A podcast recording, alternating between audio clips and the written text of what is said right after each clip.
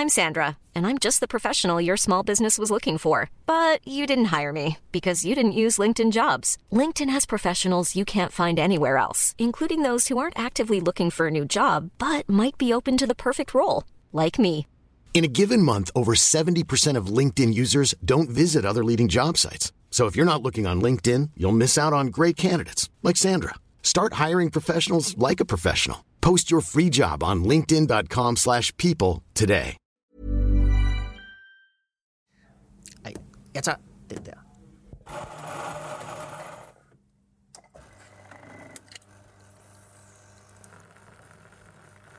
Nå, Jacob. Sidste gang, der havde vi skæg og blå briller med herinde i øh, studiet. Vi talte om spioner, topembedsfolk bag trammer for at lægge statshemmeligheder og anklager for landsforræderi mod en tidligere forsvarsminister. Det var politisk drama, som vi ellers kun ser på tv. Men i dag bliver det anderledes, for vi skal tale om arbejdsudbud. Det annoncerede du jo allerede øh, sidste fredag her i øh, DK Pol, og her på Alting, der er vi jo ikke bange for at give lytterne øh, lektier for. Nej, spøg til side. For dramaet er jo faktisk ikke mindre, og sagen er ikke mindre afgørende, bare fordi det handler om det, der foregår i strumseværelset i Finansministeriet og på gangene på Christiansborg. Vi skal tale om øh, reformprogrammet i regeringens projekt Danmark kan mere.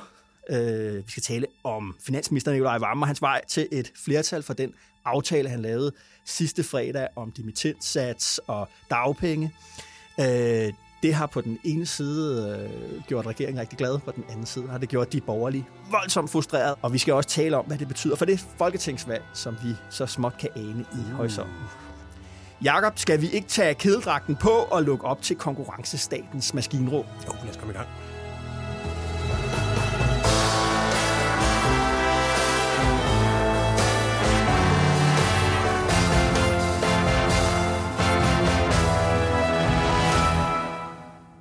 Okay, lad os lige få dagsordenen på plads. Altså, vi tager øh, selve aftalen først, så det her parlamentariske, meget komplicerede spil, der er om den, og så ser vi, som sagt, fremad imod, hvad de her positioneringer betyder for, for øh, hvad, hvad, hvad er for type af folketingsvalg, vi kan se, se frem imod. Kør den. Ja, god dagsorden, men hey, øh, jeg skal lige høre først, hvor, øh, hvor vil du gerne have været flue på væggen i den her uge? Nå ja, traditionen skal, skal holdes. Øh, hvad det hedder. Jamen, jeg ville gerne have været på fluen på væggen i Dansk Folkepartis gruppeværelse her i tirsdags, da Nu de igen? ind for første gang øh, øh, siden det der øh, voldsomme øh, formandsvalg, der var i Herning her i søndags. Okay, ja, fordi... Øh, men, men der var du jo sådan set flue på væggen, kan man sige. Et af mange fluer øh, over, over i Herning. Du var derovre. Kan du ikke lige, kan du ikke lige fortælle mig... Øh, Jo. Altså, hvad så du? Jamen, altså, jeg kan jo tale i timevis om det der, fordi det var øh, ja. øh, meget fascinerende. Øh, Jeg så bare talerne på, på, på, på tv, og det var, det var også ret vildt, synes jeg, altså, at se, at se de der taler. Selvfølgelig især øh, Martin Henriksen og Morten Messersmith, de, havde, de havde gjort sig umage begge to. Ja, de har i den grad gjort sig umage, og Henriksen var, synes jeg, den mest fascinerende på en eller anden måde, fordi okay. det der, du ved, her er en mand, der han kæmpede for sit politiske liv, og, og, han, og han gjorde det på en måde, hvor han ikke havde noget, altså han havde ikke noget tab mere der. Altså han, var, han var sådan på en eller anden måde helt blottet, øh, og, og, og holdt, synes jeg, faktisk en brav antale. Ja. Mm. Men altså, nogle gange synes jeg selv, når jeg har været til landsmøder og sådan noget, så det, det, det, det der gør at være derovre, i stedet for at se det på tv eller læse om det i avisen, det er jo, at man nogle gange i hvert fald kommer hjem med en eller anden forståelse af et eller andet, der foregår i partiet, ja. som man måske ikke kan læse ja. til i avisen. Og vi spørger alle sammen os selv nu, hvad er det, der sker med Dansk Folkeparti? Du ved, hvad kom du hjem med? Jamen, det er jeg mega nysgerrig efter. to, to, to pointer her, øh, som jeg synes er vigtige at have med, det er jo, at, at vi op til, øh, ikke bare her på Altinget, men alle, alle medier, kommentatorer, journalister, taler meget om den der sammenligning med Fremskridspartiets ja. øh, landsmøde der i 95. Kaosmødet, ja. Kaosmøde, det blev vist direkte på, eller ikke direkte, blev vist om aftenen øh, på det der program på DR, der hedder Horisont, øh, og, og, hvor hele partiet eksploderede, og, og det var jo fra det, en uge efter, blev Dansk Folkeparti dannet og stiftet, og ja. øh, alle de her ting, og var vi tilbage i det samme. Og det, der var interessant at se her, det var, at at det, at det, der var ved Fremskridspartiet dengang, det var, at det var hele partiet med baglandet, der var fraktioneret. Den her gang, der var, altså baglandet var, de kan lide hinanden. Medlemmerne kan lide hinanden, også selvom de stemte på hver deres. Du ved, der var en Henriksen-fløj, og der var en Messerschmidt-fløj, og der var egentlig god stemning imellem, godt lide at være sammen, og de okay. Okay. var kede af, altså, det var det var folk, de sagde, de var sgu kede af, at det var havnet der. Så splittelsen var den her gang kun i folketingsgruppen. Okay. Og det, der var en anspændthed omkring, det var, ville Folketingsgruppen rive hovederne af hinanden, mens baglandet sad dernede? Og det kan man sige, på den ene side er den, er den positive nyhed for Dansk Folkeparti som parti, der, det er, at der er et fundament af nogle medlemmer, som vil hinanden det godt. Ja. Øh, den dårlige nyhed, synes jeg, det er jo så på en eller anden måde, at, at Dansk Folkeparti, det er jo Folketingsgruppen inde på Christiansborg mm, mm. i meget, meget høj grad. Der er ikke, de har for eksempel jo heller ikke sådan et ekstern, ligesom Venstre for eksempel har i, i Søllerød, tror jeg nok, det er. De, de har det her øh, hovedkvarter. hovedkvarter Ja, ikke? nej. Det er ud fra øh, sekretariatet øh, og, Ja. og, og, og kontorerne op på Proviantgården, at Dansk Folkeparti øh, bliver til. Og der er splittelsen jo øh, stadigvæk øh, rigtig, rigtig, rigtig stor. Øh, det er jo helt tydeligt, der blev annonceret, Ben Bøsted går ud af Folketinget. Marie Krav, på, altså hende talte jeg jo med lige efter, at Messersmith var blevet valgt, og hun lavede ikke fingrene imellem. Hun kaldte Ah, ham okay. manipulatorisk. Øh, hun taler om politisk teater. Hun har ingen tillid, øh, Ah, hverken til ham eller til, til Pia Kjærsgaard. Ikke? Så, så, så man kan sige, det, det var den ene pointe. Den anden pointe, som jeg synes var, var, var som jeg bemærkede, det var det her med, at det unge del af baglandet i DF, de er meget mere borgerlige, øh, sådan som Messerschmidt også kan være borgerlig i sin stil og fremtoning, Mm, mm. end det der klassiske bagland, som man måske også kunne kalde skuffede socialdemokrater. Altså skuffede socialdemokrater. dem, der var skuffede. bagland. Mere arbejderagtige, øh, øh, hvad det hedder, og, og som jeg blev skuffet i løbet af 90'erne og 0'erne over den kurs S2, og som Mette Frederiksen okay. har taget et opgør med. Og der tænkte jeg ligesom, okay, Messersmith har faktisk en mulighed her for, fordi de, som vi jo også har skrevet om her på Alting, det er de unge, der er blevet med DF. Og den forklaring er ret simpel. De gamle vælgere, som DF har, de har jo førhen stemt på et andet parti. Som sagt, skuffede socialdemokrater. De er vendt hjem, kan man sige. De unge, de har, det er jo folk, der har stemt på DF altid. I hele deres øh, det er deres politiske... parti op- ja, Ja, ja, præcis. okay. Det giver Messersmith nogle muligheder, i mine øjne, for at forvandle DF til et langt mere øh, højorienteret borgerligt Okay. øh, parti. Og jeg ved ikke, om, om det nødvendigvis gør, at DF har bedre overlevelseschancer, men det jeg umiddelbart tænkte, da jeg gik hjem, det er, at det her det bliver et problem for Pernille Vermund. Nå, okay. Men det var det, du skrev i din artikel der om det der. Jeg går mærke til, at du skrev med, at der var en masse unge i, i jakkesæt og med sådan, øh, med sådan øh, ordentligt tilbagestrøget hår og sådan noget ja. der. Det var det, du mente. Det er simpelthen dem, der, er, dem, der har været DF'er altid. Nå, det er sgu spændende nok. Ja, og så er det jo også, altså, altså DFU har jo spillet en helt afgørende rolle ja. I Messersmiths kampagne ja, Ja, ja, i at sikre den infrastruktur, der, der skulle være. Ikke? Okay, nå. Jakob? Spændende. Hvor var du øh, gerne fluen på væggen? Ja, men jeg, jeg, må bare, jeg kan bare sige, for mig, der er ikke nogen vej. Det vil være over i 3F. Altså, jeg vil godt have været flue på Ja. væggen. Altså, jeg vil godt have været flue på væggen, selvfølgelig indtil det hovedbestyrelsesmøde, hvor... Lad os lige, lad os lige få sagt, det er jo den her sag med formand Per Christensen og et spektakulært dobbeltliv, Ja, det må man sige. øh, som vi også har skrevet om her ja. På, på, på Altinget. Ja, som alle har hørt om, og alle, alle spørger sig selv ud over alt det politik og alt muligt, der er i det. Så det, det var også dit eget spørgsmål til mig, da vi snakkede om første gang. Det var, hvordan gjorde han altså det her, den her fascination af, hvordan et menneske overhovedet kan og kan holde ud og have i overvis sådan, uh, to familier, der skal køre parallelt med hinanden og være hemmelige for hinanden. Alt den logistik og besvær, det indebærer, det, det, det, er en, det er en helt utrolig historie, men som jo også har efterladt en masse mennesker meget såret, så man skal, ikke, man skal bestemt ikke gøre sig munter over den. Det, har, det er en historie, der har såret mange mennesker, og det er en historie, som nu gør meget, meget ondt på Per Christensen selv, og har kostet ham det, det, det ikke bare det job, men de job, han havde, for det er jo ikke kun formandsposten i 3F, han er gået fra, det er også alle de store bestyrelsesposter, Arbejdernes Landsbank, han var formand for bestyrelsen, Pension Danmark, formand for bestyrelsen. Jeg tror også, han se- formentlig forlader bestyrelsen i det kongelige teater snart. og sådan noget. Det, er en, det, det er en kæmpe derut, uanset hvad man mener om, hvad, hvad han har gjort, så er det også sådan en, en, en menneskelig tragedie. Men der, når, når jeg siger flue på væggen, så vil jeg egentlig helst have været inde i daglig ledelse i 3F, som jo forbereder det her hovedbestyrelsesmøde. 3F, det er en fascinerende organisation. Det er Danmarks største fagforbund, 265.000 medlemmer. Øhm, og de har en hovedbestyrelse på, hold nu fast, 88 medlemmer. Altså, det er jo næsten som at samle Folketinget, ikke, når de mødes. Altså, det er kæmpe. Og det betyder selvfølgelig også, at der er masser af politik på kryds og på tværs. De har en daglig ledelse på 13 medlemmer. Det er også ret stort, ikke? Og, og den der daglige ledelse, det er jo noget af det, vi skrev på Altinget. De har jo været be- bekendt med den her sag siden midt december. Midt I i, hvert fald. december. I hvert fald, ja. Men der har de alt, der ved vi positivt, at de alle sammen har vidst det, fordi de har fået det at vide af de her tre kvinder. Og de, øh, de reagerer i daglig ledelse ved at skrive tilbage til de tre kvinder og sige, ej, var vi ked af, at I har oplevet det, men vi betragter det altså som en privat sag. Glædelig jul. Det er jo sådan set det. Så bliver der holdt, viser det sig, et hovedbestyrelsesmøde i december, hvor hovedbestyrelsen får sådan en helt overordnet orientering af det her. På det tidspunkt, der tænker de, at sagen måske vil komme frem, men de ved ikke, at den er på vej til at komme frem i BT eller andre steder. Så som jeg forstår det, så får hovedbestyrelsen en slags orientering, men ikke det fulde billede af, hvad der er, der er foregået. Så Og, og så her har vi så i denne her uge, hvor, hvor daglig ledelse jo så forbereder et nyt hovedbestyrelsesmøde, hvor det lynhurtigt ender med, at Per Christensen går op og siger, venner, jeg, øh, jeg går af, det her det holder ikke længere. Og vi ser næstformanden, Tina Christensen, gå ud og sige bagefter, at i gamle dage kunne man måske godt gøre sådan noget her med at mm. adskille privatliv og professionelt liv. Den går slet ikke i dag. Og jeg vil godt nok gerne have været flue på væggen på det daglige ledelsesmøde, hvor de pludselig skifter holdning fra, ja. det er bare privat, Per, ja. til det kan man slet ikke i dag, det her. Altså, mm. 3F's daglige ledelse står tilbage, synes jeg, med et kæmpe forklaringsproblem, og med om, om at være helt tom lumske oven i hovedet over at have indtaget to så forskellige positioner ja. på så kort tid.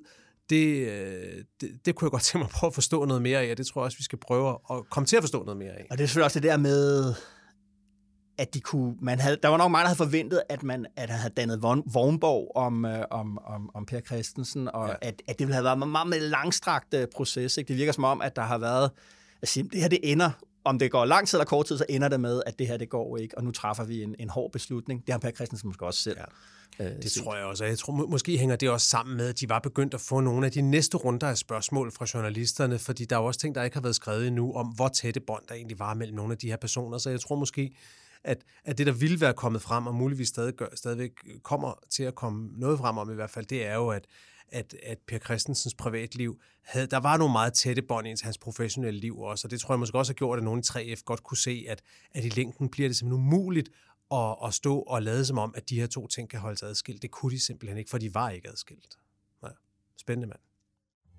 DK Pol er Altingets ugenlige podcast, der udkommer hver fredag. Brug den som del af din analyse af politik og samfund. Abonner på DK Pol, hvor du hører dine andre podcasts. Okay, reformer, Jacob. Ja, det er det, vi skal tale om i dag. Kom nu. Prøv lige at høre det her. Mennesker, der kan komme til ud på vores arbejdsmarked. Og det er der brug. Men altså, jeg sad hjemme i sofaen og så dem komme ud, ikke? Og, og så det her. Og jeg synes bare, Udover, nu skal vi snakke om alt indholdet senere. Vi skal snakke om taktikken og forligene og alt det der. Men det der, det synes jeg var fascinerende i sig selv. Ikke? Også prøv at høre ham. Manden kan jo ikke snakke, han har ingen stemme. Og for mig, der var det et billede på noget, der sagde noget om hierarkier og magt, det der. Ikke? Også fordi der var, tror jeg, jeg tror fire eller fem socialdemokratiske ministre ud over alle dem fra de andre partier, som kom ud der og stod og lavede det der, man kalder doorstep-pressemøde, hvor de alle sammen står og skal have ordet på skift. Ikke? Mm-hmm. Og efter vammen, så fik, øh, jeg tror, øh, Simon Kollerup, erhvervsministeren, fik ordet. Morten Bødskov, skatteministeren, fik ordet. Peter Hummelgaard, beskæftigelsesministeren, fik ordet. Ikke? Jeg tror også, Mathias Tesfaye stod et sted mm-hmm. i klumpen der. Og, og, og når nu finansministeren har mistet sin stemme, så kunne de jo have sagt derinde, prøv at høre, Nikolaj kan ikke tale, Bødskov, den tager du, eller Hummelgaard, ja. du går lige ud og tager ja, ja, ja. den. Nej, nej, nej, nej, nej. Varmen går selv ud og visker sit budskab der om, at nu har de lavet et forlig. Ikke? Og, og det lyder jo som uh, Marlon Brando det er sådan noget for i Godfather, Godfather. Ikke? Ja, ja, ja. Og sådan tror jeg også, der er mange, der så har set ham lige der. Men jeg synes bare, jeg synes bare det var fascinerende, at, øh, at det her, det er altså varmen. Og det skulle han selv frem at, at stå på det der. Men det er også en del af den der store historie, jeg tror, vi har berørt det nogle gange, det der med, at da, da de kommer ind i regeringen, Mette Frederiksen øh, og, og, og kompagni, der er det jo lidt til tonerne af, at nu skulle Finansministeriets øh, magt på øh, Slottholmen begrænses, og øh, Vamme måtte kun komme, når man diskuterede klima, når han var blevet inviteret øh, ja, ja. på en mail. Og det, der bare har været historien lige siden, det er, at at øh, Finansministeriet har manifesteret sin magt, at Vammen er, øh, ligesom alle øh, finansminister, øh, i hvert fald siden Henning Christoffersen, er en fuldstændig afgørende del ja. af magtudøvelsen i Danmark. Så den der forestilling om, at man ligesom kunne gøre finansministeren til en ressortminister blandt alle andre ressortminister, den er død og begravet. Det er ham, der, det er ham, der kører showet, ikke? Okay, så lad os gå ind i, øh, i aftalen. Det, det, det er helt omdrejningspunktet handler jo om, om arbejdsudbud, øh, og derfor den her sænkelse af dimittentsatsen. Det er ligesom, det er det, det helt afgørende. Altså det, de dagpenge, man kan få, når man er blevet færdig på sin uddannelse, længerevarende uddannelse, og inden man kommer i job, de er gået fra lige under 14.000 til lige under 10.000. Yes. Øhm, Ja. Lad os gå, lad os gå, ind, i, lad os gå ind i det, Jacob. Jamen, jamen altså, øh, jeg synes jo også bare, ja, at netop det er interessant at kigge på, hvad var det egentlig, de vedtog. Jeg synes, øh, øh, det, det er sjovt at kigge det hele igennem. Altså, dimittentsatsen, den er, den er sat ned ikke, i et forsøg på at få de nyuddannede til at komme, komme hurtigere, hurtigere job. i job. Ja. Og deres dagpengeperiode er sat ned fra to til et år. Så hvis du kommer ud som nyuddannet, kan du kun få dagpenge ja. i et år, ja. så, så løber de simpelthen ud, hvis du ikke har været i beskæftigelse indtil mm. da. Og så øh, er der jo så til gengæld lavet en hel masse andre ting. Øhm, der er hævet lidt på, på dagpengene, sådan så, at hvis du lever op til nogle forskellige krav, så kan du faktisk få lidt højere dagpenge, end du, du har, har kunnet haft før. arbejde, men har ja. mistet det, så er, Så kan er du dækningsgraden få, blevet lidt højere. Få 3700 mere om måneden, end du har kunnet før. Og det er jo noget, fagbevægelsen har skrevet på i lang tid, det her med, at, øh, at dagpengene ikke er fyldt, fuldt med ja. lønstigningerne. Ja. Så hvis folk blev ledige, så øh, var det simpelthen for lidt, de fik. Og det har fagbevægelsen selvfølgelig følt var en af grundene til, at folk måske forlod A-kassesystemet og også forlod øh, fagforeningerne. Så det er, en, det er en stor håndsrækning til mm-hmm. dele af fagbevægelsen, det her. Øhm, og øh, i øvrigt er der nogle lidt andre håndsrækninger til dem i også. Ikke? Fradragsretten for private lønforsikringer, som vi ser mere og mere af, den er nu blevet gjort betinget af, at, øh, at der er betalt A-kassebidrag på mindst 1300 kroner. Øh, og, og det er jo igen, det er et håndsrækning til fagbevægelsen, for at folk ikke bare dropper fagbevægelsen, og i stedet for tegner en helt privat lønforsikring. Ikke? Præcis. Øhm, så, så der er nogle meget interessante ting der. Så er det gjort, øh, så er fribeløbet, man kan tjene, hvis man er på SU, sat, sat lidt op for at få folk til at arbejde noget mere, mm-hmm. mens, de er, mens de er studerende. Og så er der en hel masse... Øh, en hel masse andre ting, små ting, mere forskning i, små ting, men altså, du ved, alle mulige ja. små elementer i den. Man kan gå ind og, og finde artiklen inde på Altinget med overblikket over det her forlig. Og det vi, den lægger vi selvfølgelig også i, i de såkaldte show notes, altså yes. den her tekst, hvor man kan se, øh, hvad kan, hvor vi også lægger op, hvad, hvad det er, vi taler om her i, i dag. Så, så, så bare et par ting, jeg lige vil nævne, det er, jeg synes, det er interessant, at der er lagt op til, at 3 milliarder kroner, som bliver udmyndtet, brugt i denne her aftale, de skal findes ved, at der skal nedsættes et råd, som skal sanere erhvervstilskud. Mm. De skal ud og finde erhvervstilskud, man bare kan afskaffe. Og det er bare sådan noget, du ved, ja, ja, det lyder skide godt. Vi finder lige 3 milliarder, men når man så kommer i gang med det, og så bliver det altid svært, fordi så er der altid nogen, der bliver sure, når man så begynder at rykke for de der milliarder. Så det er, hvad jeg vil kalde usikre, mm-hmm. usikre penge, de der 3 milliarder, ikke, der Præcis. er fundet der. Og så synes jeg også, det er værd at nævne, det kommer vi jo også meget tilbage til.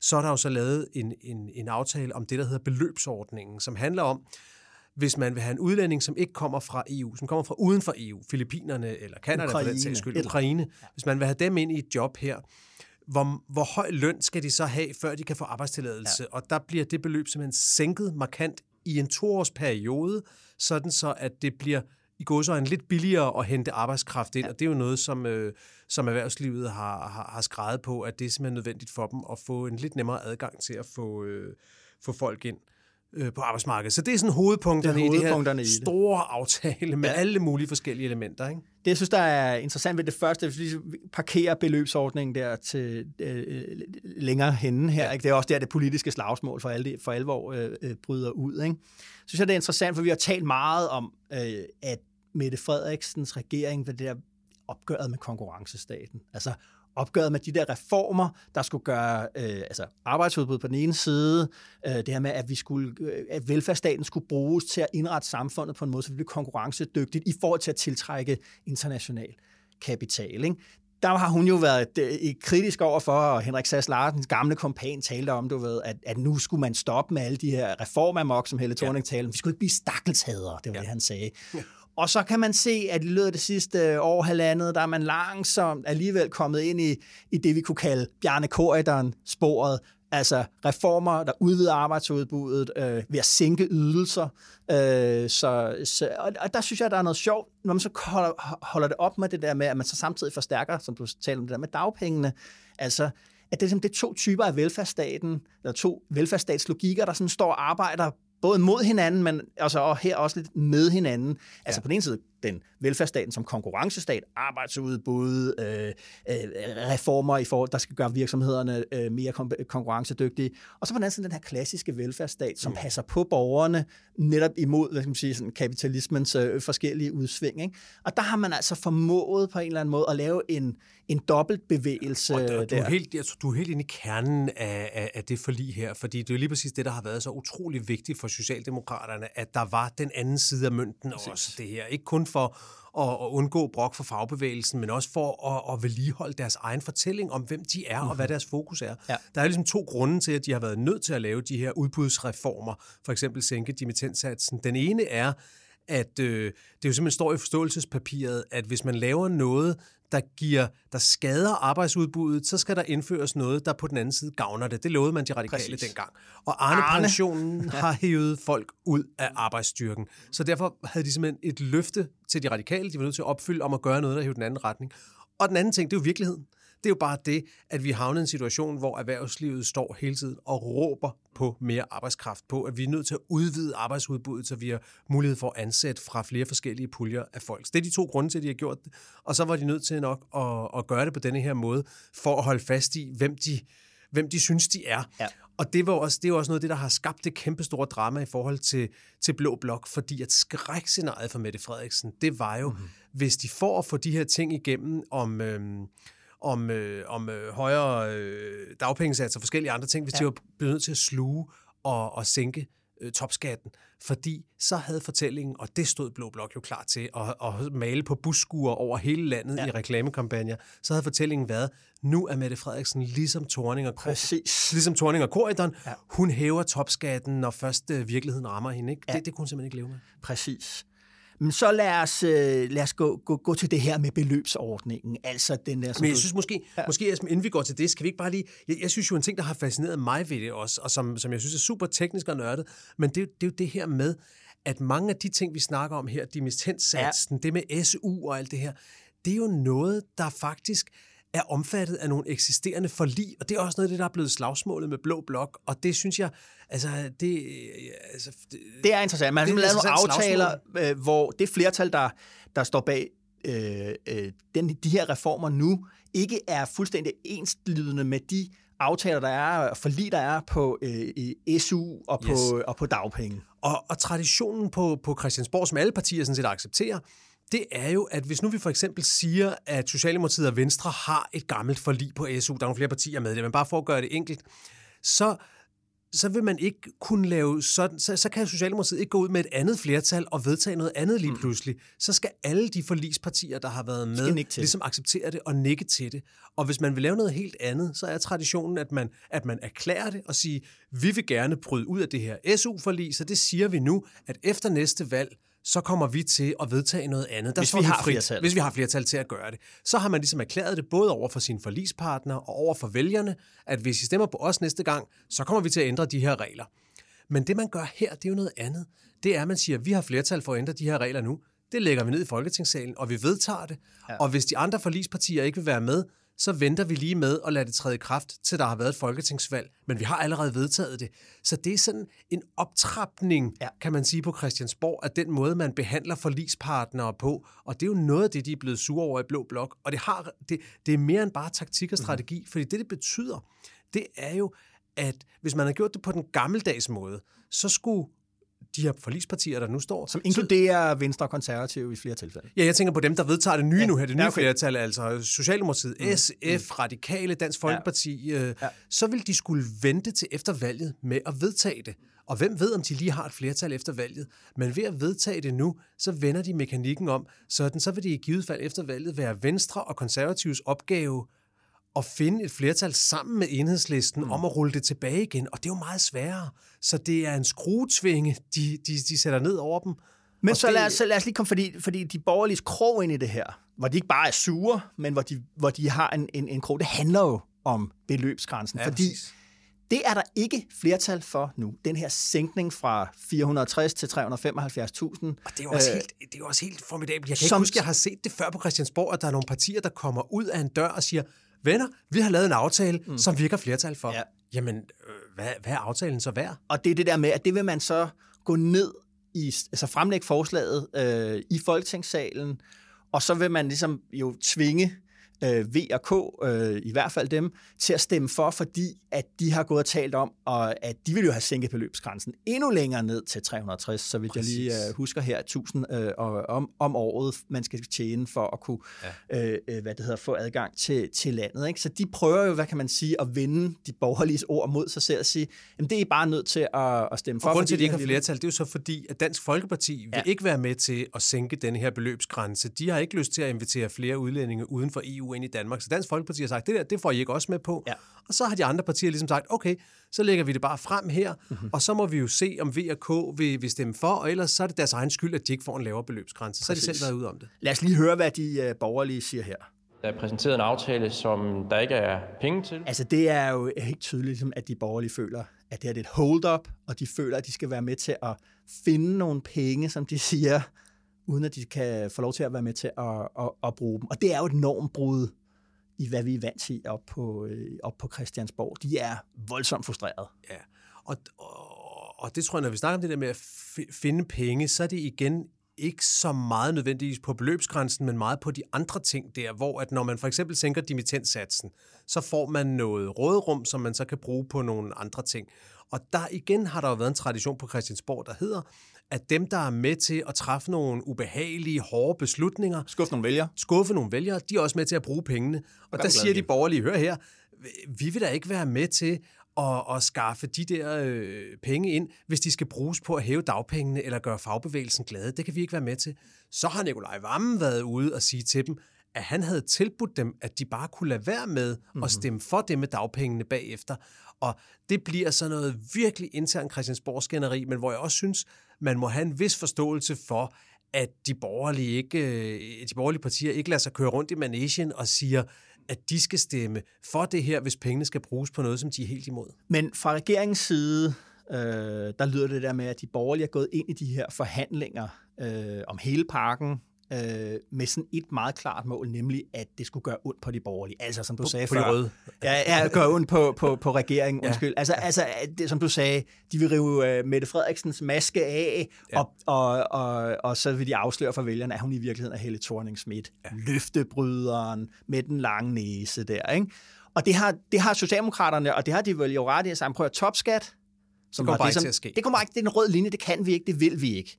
Og der har stemningen hos de borgerlige været, øh, det har, har, har, har for regeringen ret, det, det har været, de så det her sådan oplagt chance for, oven på Mink-sagen, hvor Mette Frederiksens troværdighed forvejen blev slidt, ligesom at give hende det sidste knæk. Ja, og grunden til, at de troede, de kunne det, tror jeg, hvad, hvad du tænker, det, det har jo været, at de troede, de kunne få de radikale med på vognen. De troede, de havde Dansk Folkeparti med. Yes. I hvert fald ikke, at de Dansk Folkeparti var med over hos regeringen, og at de kunne, havde netop havde de radikale med. Ja, de, de der signaler fra Sofie Carsten Nielsen, der har været ude at sige, at hun ikke ville acceptere en socialdemokratisk mindretalsregering, et partiregering næste gang.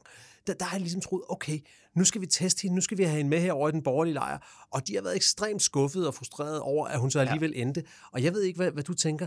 Jeg, jeg synes, det virker som om, at de borgerlige partier, sammen måske også med mange af de kommentatorerne, kom til at overfortolke den der Sofie Carsten Nielsen-melding, fordi at, at for mig har det sådan virket ret oplagt, at det kan godt være, jeg har hørt det, hun sagde, som om, at hun siger, prøv at høre, jeg kommer ikke til at være med i næste forståelsespapir.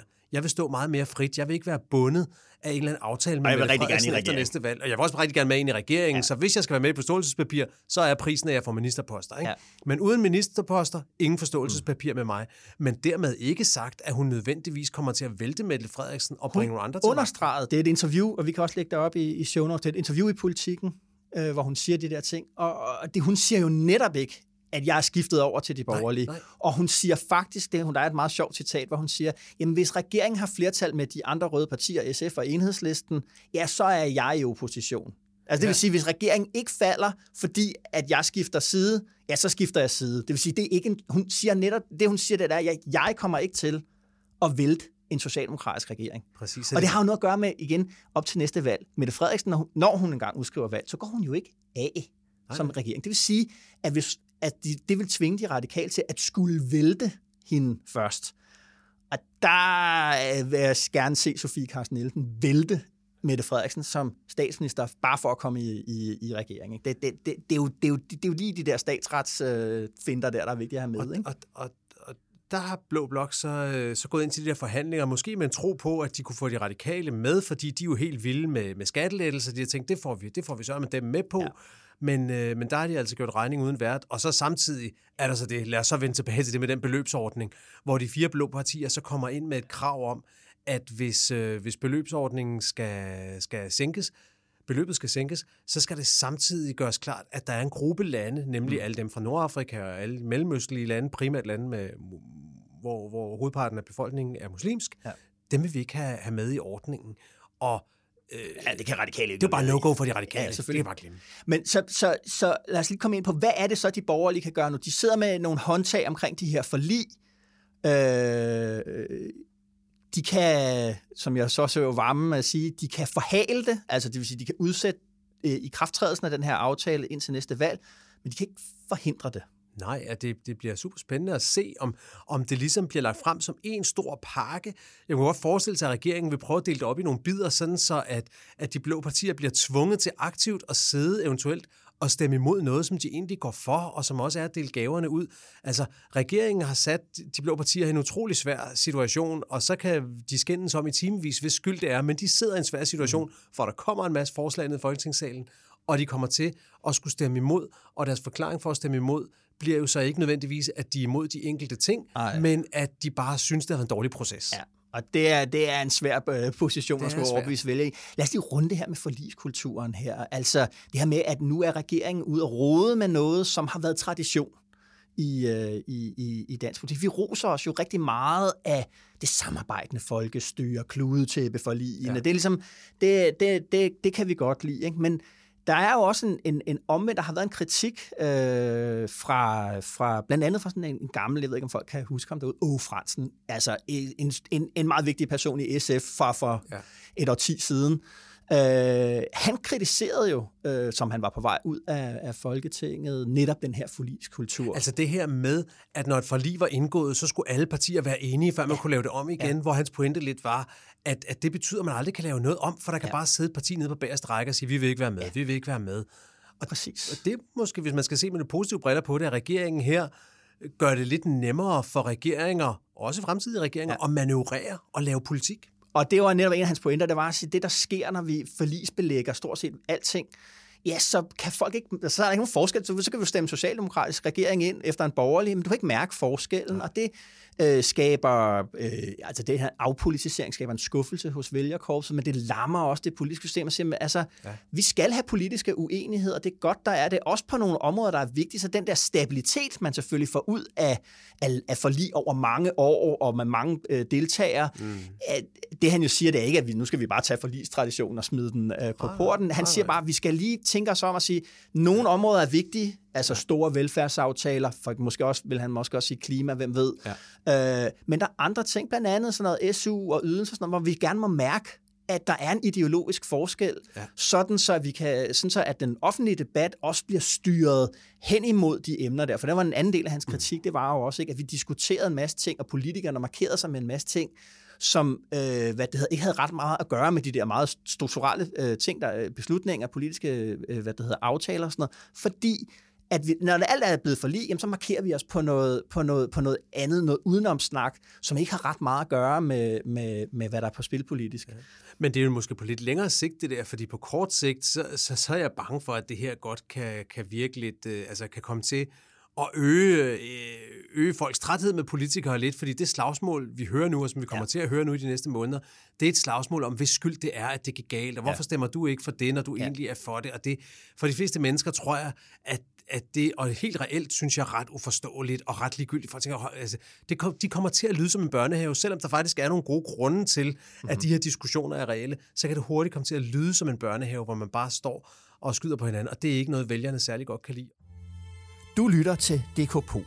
Mit navn er Esben Schøring, og jeg er politisk redaktør her på Altinget. Og hver fredag sender jeg dig på weekend med det, du skal have med i din analyse af dansk politik. Gå ind der, hvor du hører din podcast, og abonner på hashtag DKPol. Der blev holdt to pressemøder der fredag aften. Ja. Først står der forlispartierne, det er Socialdemokratiet, det er SF, det er Radikale, det er Dansk Folkeparti. Og kristendemokraterne. Og kristendemokraterne i form af Jens Rode, det er rigtigt. Enhedslisten vil jo ikke være med. Så lidt senere på aftenen, så holdt de blå partier, de tilbageværende blå partier, kan man sige, Venstre, Konservativ, lige Alliance her, og Nye ja. Borgerlige, de holdt så deres eget doorstep-pressemøde et andet sted på Christiansborg. Men der var jo en person, som ikke stod nogen af stederne, og det var jo Lars Løkke. Ja. Den, nye, den, nye, den nykårede partiejer fra, fra, fra Moderaterne. Mhm. Mm-hmm. Han var til gengæld vanvittigt aktiv på Twitter hele aftenen, hvor han lagde sig ud med folk fra begge blokke og kritiserede dem begge to for, at det var, det var en tynd kop te, den her aftale. Det var slet ikke nok, og hvorfor havde de ikke fundet de rigtige løsninger? Og det synes jeg bare var sjovt, fordi jeg sad og tænkte på, jeg prøvede også at spørge ham på Twitter, men den svarede han altså ikke på. Nej. I, I hvilket pressemøde vil du egentlig godt have været med til, Lars Lykke? Det, det, det røde eller det blå, så at sige. Ja. Hvad, hvad, hvad tænker du?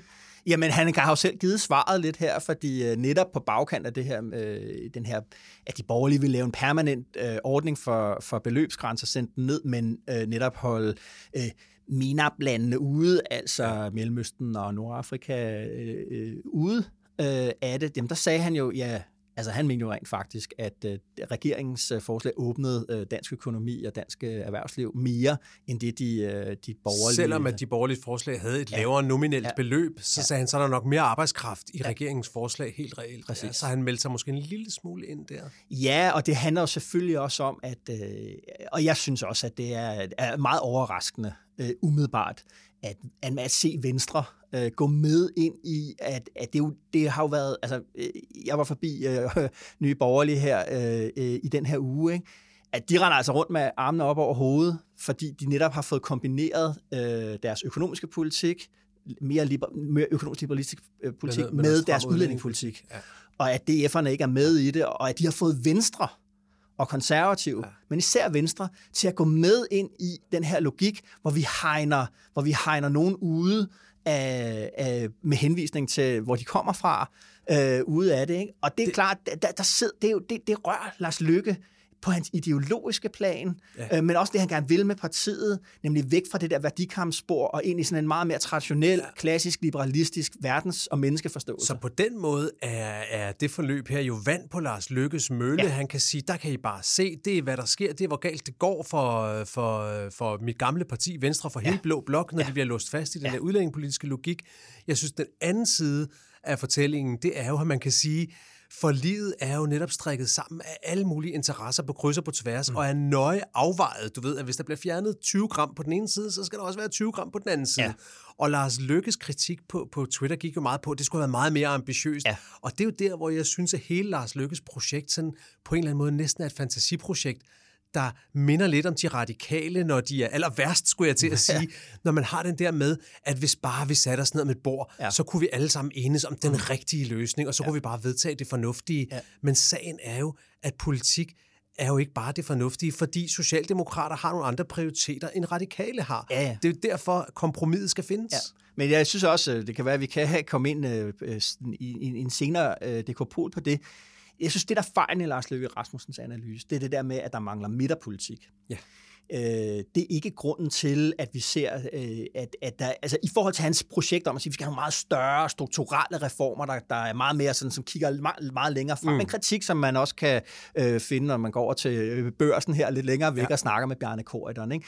Men det, det handler om, i mine øjne, det er, at der ikke længere er et parti i Danmark, der kan øh, levere 35-40 procent af vælgerne, og som har styrken til at tage nogle voldsomme beslutninger, som går ondt på rigtig mange vælgere lige nu, men som om 20 år øh, viser sig at have været det helt rigtige øh, at gøre. Alle er blevet for svage, og, der skal, og, det er, og den måde, det, det, det viser sig på, der er, der, der er jo enormt mange nye partier i Folketinget, her i blandt Lars Løkke Rasmussens Moderaterne. Mm. Og det øger, det tror jeg også, det var det, du sagde, kompleksiteten i dansk politik er bare blevet så stor, at alle skal lige have en lille, øh, hvad det hedder, en lille pokal med ind i det store ja, pokalskab. Ja, og, og, og det er det, der i virkeligheden lige nu gør, at, at dansk politik er fastlåst, men det er måske også det, som, apropos det der med forliget og brud med forligstradition, siger, hvis vi har den form for kompleksitet, mange partier, mange, der skal have noget at gøre med, jamen så er man simpelthen nødt til at, at, at lave det der, hvor man vrider systemet mere for at overhovedet gennemføre ja. noget som helst. Og mega spændende. Lad os endelig få snakket mere om det. Men lad os lige, lad os lige få, få snakket færdigt om det der blå blok, fordi de, de opfattede det jo lidt som om,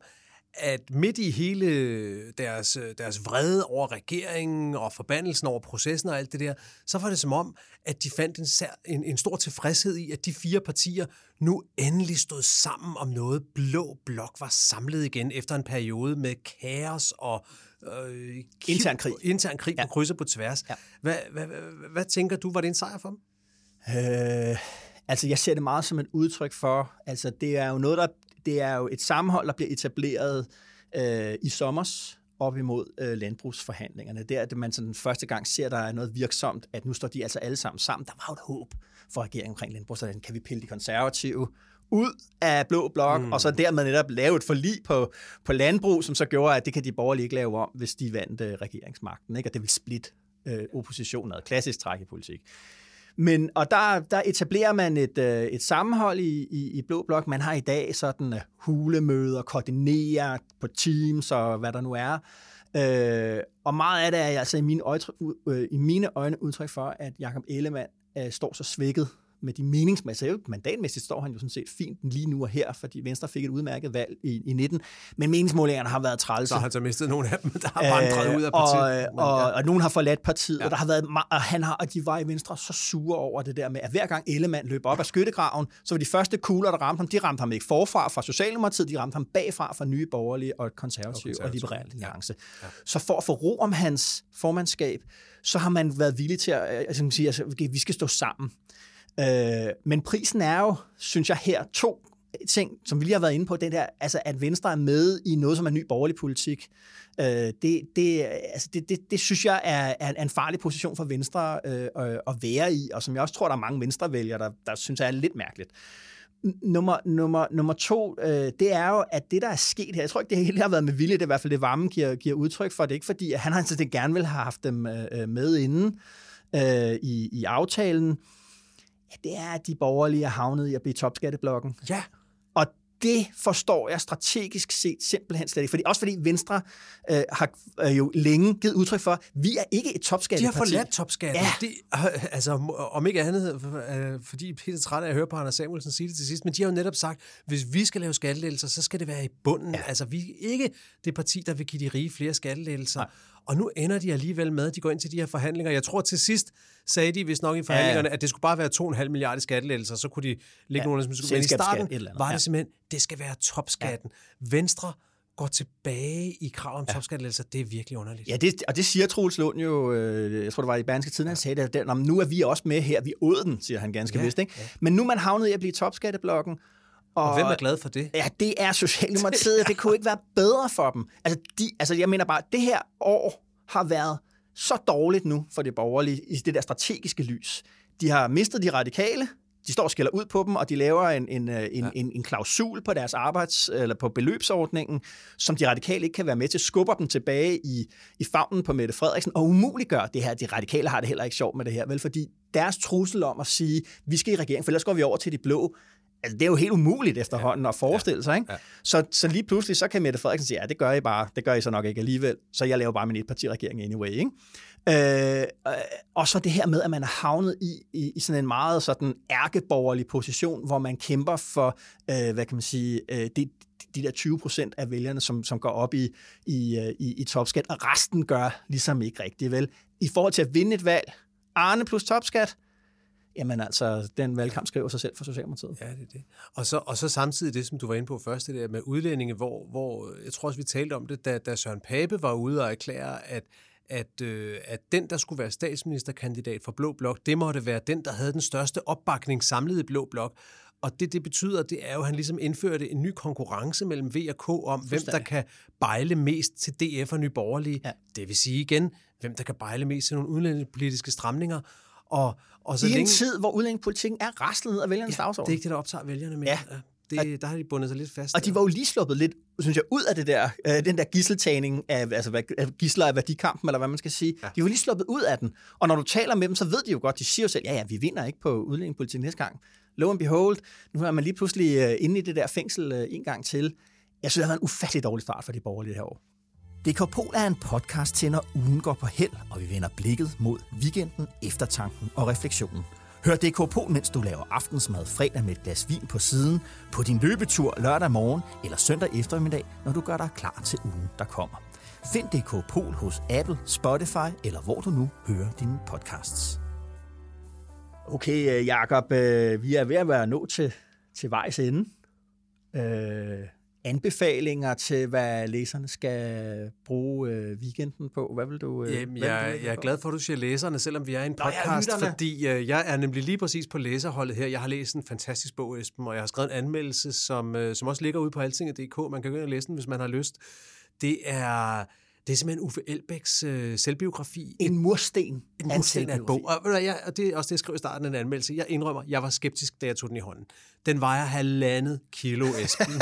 Sådan hardback og billede af, af, af, af Uffe med sådan en t-shirt, hvor der så Stop Making Sense og så hedder den Et liv. Det er, sådan det er næsten som om, det var et litterært værk ikke? Ja. Af, af Tolstoy eller sådan noget. Og så, og så starter den med et, øh, med et øh, Umberto Eco-citat, nej, et Oscar Wilde, nu bliver jeg i tvivl, citat om, øh, om at altid at jagte utopia. Aha. Og man tænker, ja, ja, ja, Uffe, det er jo alt for meget det der. Og det er også alt for meget, men på en måde er det bare slet ikke for meget alligevel, fordi Uffe Elbæk, han er et, øh, han er et, øh, et helt utroligt menneske, som også har skrevet dagbog gennem det meste af sit liv, og som skriver sig igennem den her bog med en enorm selvindsigt og med en enorm vilje til at søge sine egne paradoxer ja. og svagheder til at forstå sig selv. Ja. Og på den måde er det en meget usædvanlig politisk biografi, fordi det er en politisk biografi, der koncentrerer sig om den private Uffe, mm-hmm. og så er alt det politiske ligesom sidehistorien til det, hvor det jo tit er omvendt af ja. politiske biografier, der er det det politiske, der driver fortællingen, og så bliver det private ligesom en slags appendix. Mm-hmm. Her er det omvendt.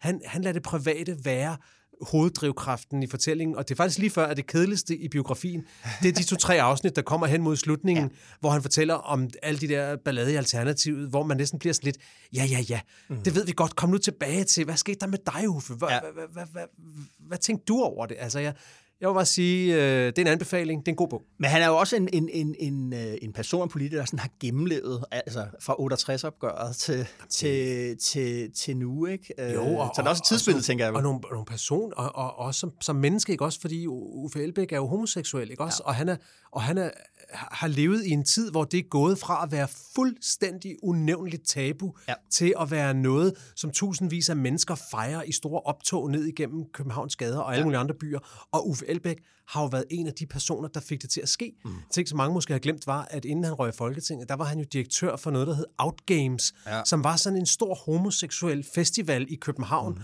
Og det får han fortalt meget fint, hvordan den var med til at bryde nogle ting ned. Altså, da den festival åbnede inde på Rådhuspladsen 500 øh, meter herfra, der var ingen politikere fra regeringen, der ville komme og holde åbningstale til den festival. De skulle ikke nyde noget. Nej. Og det er altså kun det er altså kun 13-14 år siden, ikke? Også, ja. Det ville de bare ja. ikke. I dag er det jo helt utænkeligt, at de ikke ville møde op. Men tænker du så ikke også, altså, ligesom en med Elbæk, som mange nok hurtigt kan få, at nogle af de der vilde visioner, øh, han har talt om, ja. da han kommer ind med alternativet øh, hvor jeg tænkte, ja, nu bliver det lidt for, for meget, men der, det ligger også lidt i hans biografi, at, at der er jo nogle meget store personlige ting og politiske ting på en gang, som har flyttet sig med ham som aktør og rundt om ham, som du siger det der med, at, at på 20 år, så er, er det at være homoseksuel er helt forandret i samfundets øh, øjne. Man kan godt lidt forstå, hvorfor han har tænkt, at alt er muligt, fordi så meget har været muligt. Og det er jo ikke alt meget, det var jo sket også uden Uffe Elbæk, men han er bare en af dem, der har fået det til at ske, ja. og man kan jo sige det samme med hele den grønne bevægelse i dansk politik. Selvfølgelig havde klima været et kæmpe emne, uanset hvad, men det var jo bare Uffe Elbæk, der var med til at lave et af de helt store skridt fra at gøre klima til en marginal sag, ja. til at gøre det til sagen, fordi han simpelthen lavede et parti, der sagde, at klima er alt. Ja, ja, han gav uh, Centrum Venstre et kæmpe chok. Kæmpe chok. Ikke? Mm. Også, altså, så er der bare så mange sjove ting i. Altså, jeg, kunne, jeg kunne tale om det længe. Jeg vil anbefale først at læse anmeldelsen på Altinget. Ja, tak. Jo, selvfølgelig. Men bagefter også måske at tage fat i selve bogen. Altså for eksempel, bare en ting. Uffe Elbæk er jo en periode byrådsmedlem over i, over i Aarhus. Og som byrådsmedlem kan du jo vi folk. Altså du kan forestå ægteskaber. Dengang Uffe Elbæk er det, det er jo tilbage i starten af 2000-tallet, der var der jo faktisk ikke øh, homoseksuelle ægteskaber. Nej. Der kunne de indgå registreret partnerskab. Ja. Så når Uffe Elbæk han skulle vi folk, så havde han en procedure for, for øh, heteroseksuelle par, de kunne blive viet, mm-hmm. og en anden procedure for homoseksuelle par, de kunne blive registreret. Men Uffe, han synes, at det der hvilelse var federe, så den brugte han skulle ligegyldigt, hvem det var, der skulle blive gift. Ikke? Mm. Og på den måde, sådan, så indførte han også homoseksuelle ægteskaber i Danmark, før de overhovedet var, var indført. Øh, altså, han har mange fejl, og det er han også meget åben om i bogen, og har begået mange brøller. Han har efterladt meget kaos i sit kølvand, ja. men han er en fornyer og en nyskaber på en måde, som man ikke kan lade være med at blive fascineret af, når man læser den bog. Hvad med dig? Hvad har du øh, brugt tiden på? Jamen, øh, jeg har været, jeg har været helt nørdet. Nu nævnte jeg Åge Fransen. Faktisk. Nu igen? Faktisk, ja, ja, nej, men jeg har fundet en, øh, en kronik, han skrev for 12 år siden ja. øh, om, om, om forliskulturen og hans, øh, hans kritik af det. Meget, det er en meget nuanceret overvejelse, som jeg, som jeg synes, at man skal okay. fordybe sig i, netop øh, fordi, som vi også var inde på, det her med, at, at okay, der sker noget med forliskulturen nu, Og måske også det der med, at det er en funktion af, at, øh, at dansk politik er blevet meget mere fragmenteret.